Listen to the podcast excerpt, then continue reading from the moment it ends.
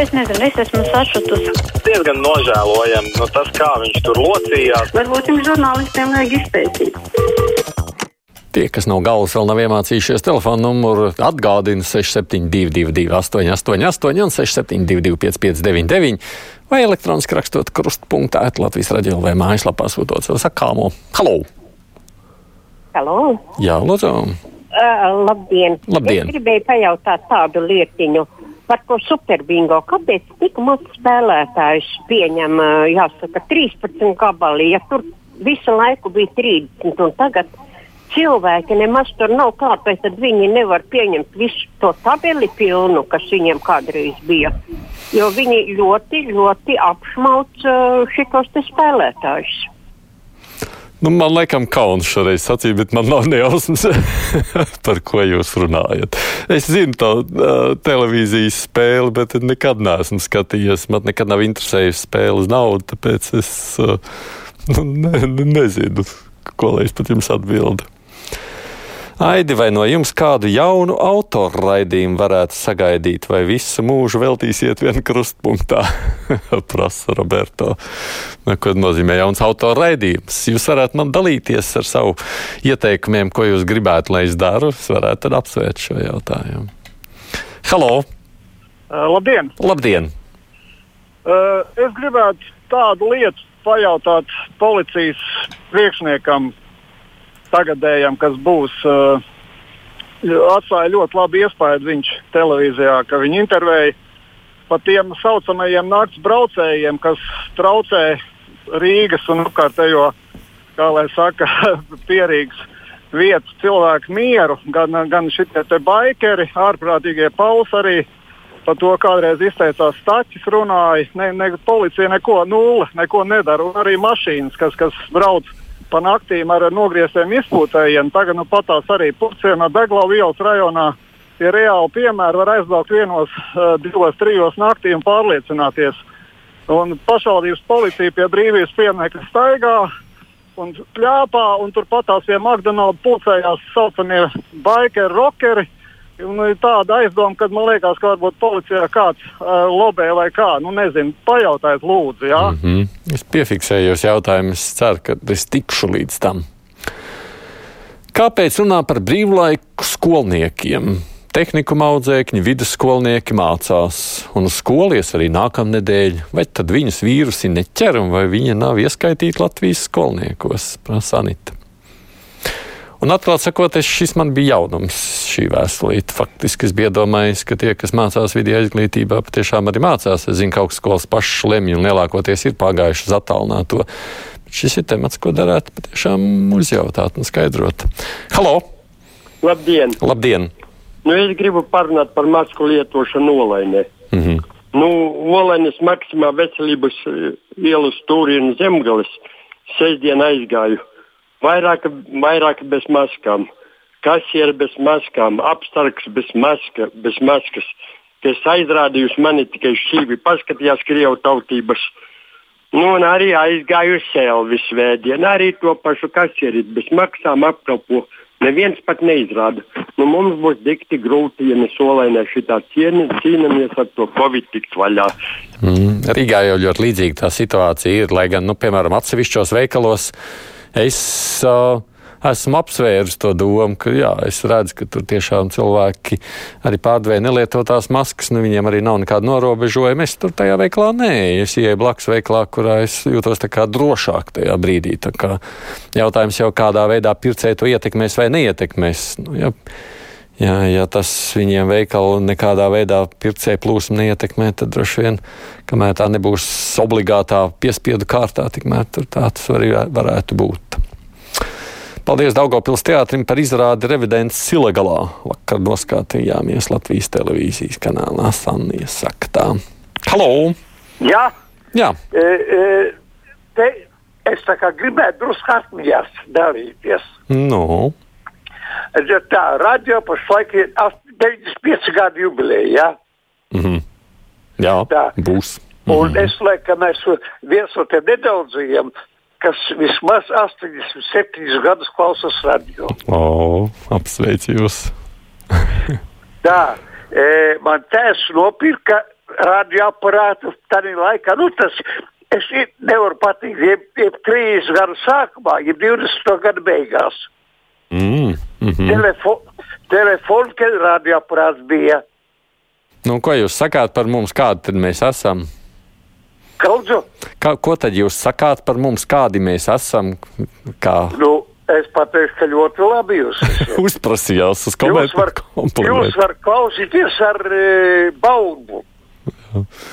Nu, labi, paldies jums par labiem vārdiem. Redz, es nebiju domājis uzprasīties uz komplimentu. Es domāju, ka varbūt kāda arī kritiskāka vārda jau var, var sacīt. Bet, nu, paldies jums, protams, un ir prieks, ka mums ir tādi klausītāji. Viss noslēpumainais izraisa intrigas un baumas. Esmu dzirdējis baumas, ka policijas jaunais priekšnieks strādājis dažu politiķu un citu augstu kungu labā. Kā okšķers es atvainojos. Kam tad godīgam cilvēkam vajag tādu noslēpumu, ja tā nav militāra struktūra, prasa Dāna. Nu, mēģināsim pārunāt šo tematiku, cik nu varēsim. Halo! Labdien! Labdien! Nu, man tāds uzskats, ka polārisms mūsu sabiedriskos mēdījos tā jau ir 10, 12 gadu sen vēsture. Bet man jums tāds jautājums, es ātri mēģināšu noformulēt. Vai jums savā cehā iznāk pārunāt par vienu no vecākiem ASV laikrakstiem, New York Post atklātībā nonākušām publikācijām par Josifa Baidena dēlu Hunteru saraksta viņa Ķīnas, Kazahstānas, Krievijas un Ukrainas biznesa partneriem, kuri bez šaubām vēlītā, vēlīnā Brežņeva vai kā amerikāņi saka, Skripī Džou ievēlēšanas gadījumā to turēs īsā saitītē kā Kremlis to darīja ar Rooseveltu, Obamu, Kennedy un droši vien vēl kādu demokrātijas partijas prezidentu.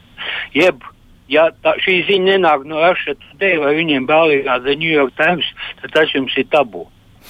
Bet mēs par šo lietu esam runājuši. Šis jau nav tikai šī laikraksta kaut kādā veidā atklājums. Mēs par šīm lietām esam runājuši īpaši daudz, diezgan pavasarī.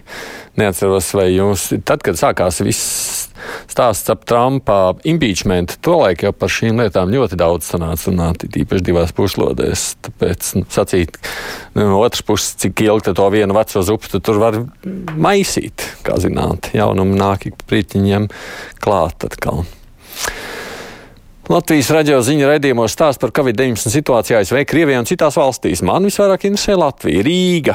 Cik no inficētiem ir Rīgā, Rīgas priekšpilsētās, cik jūglā, cik manā mājā, Vangaža ielā 3. tā es atvešu nesaukšu, tā raktiski kāds vēl aizies skatīties. Man kaimiņos dzīvo jūrnieks, bet es nezinu, vai viņš ir pašizolācijā un kad ir jūrā. Man šī informācija ir svarīga.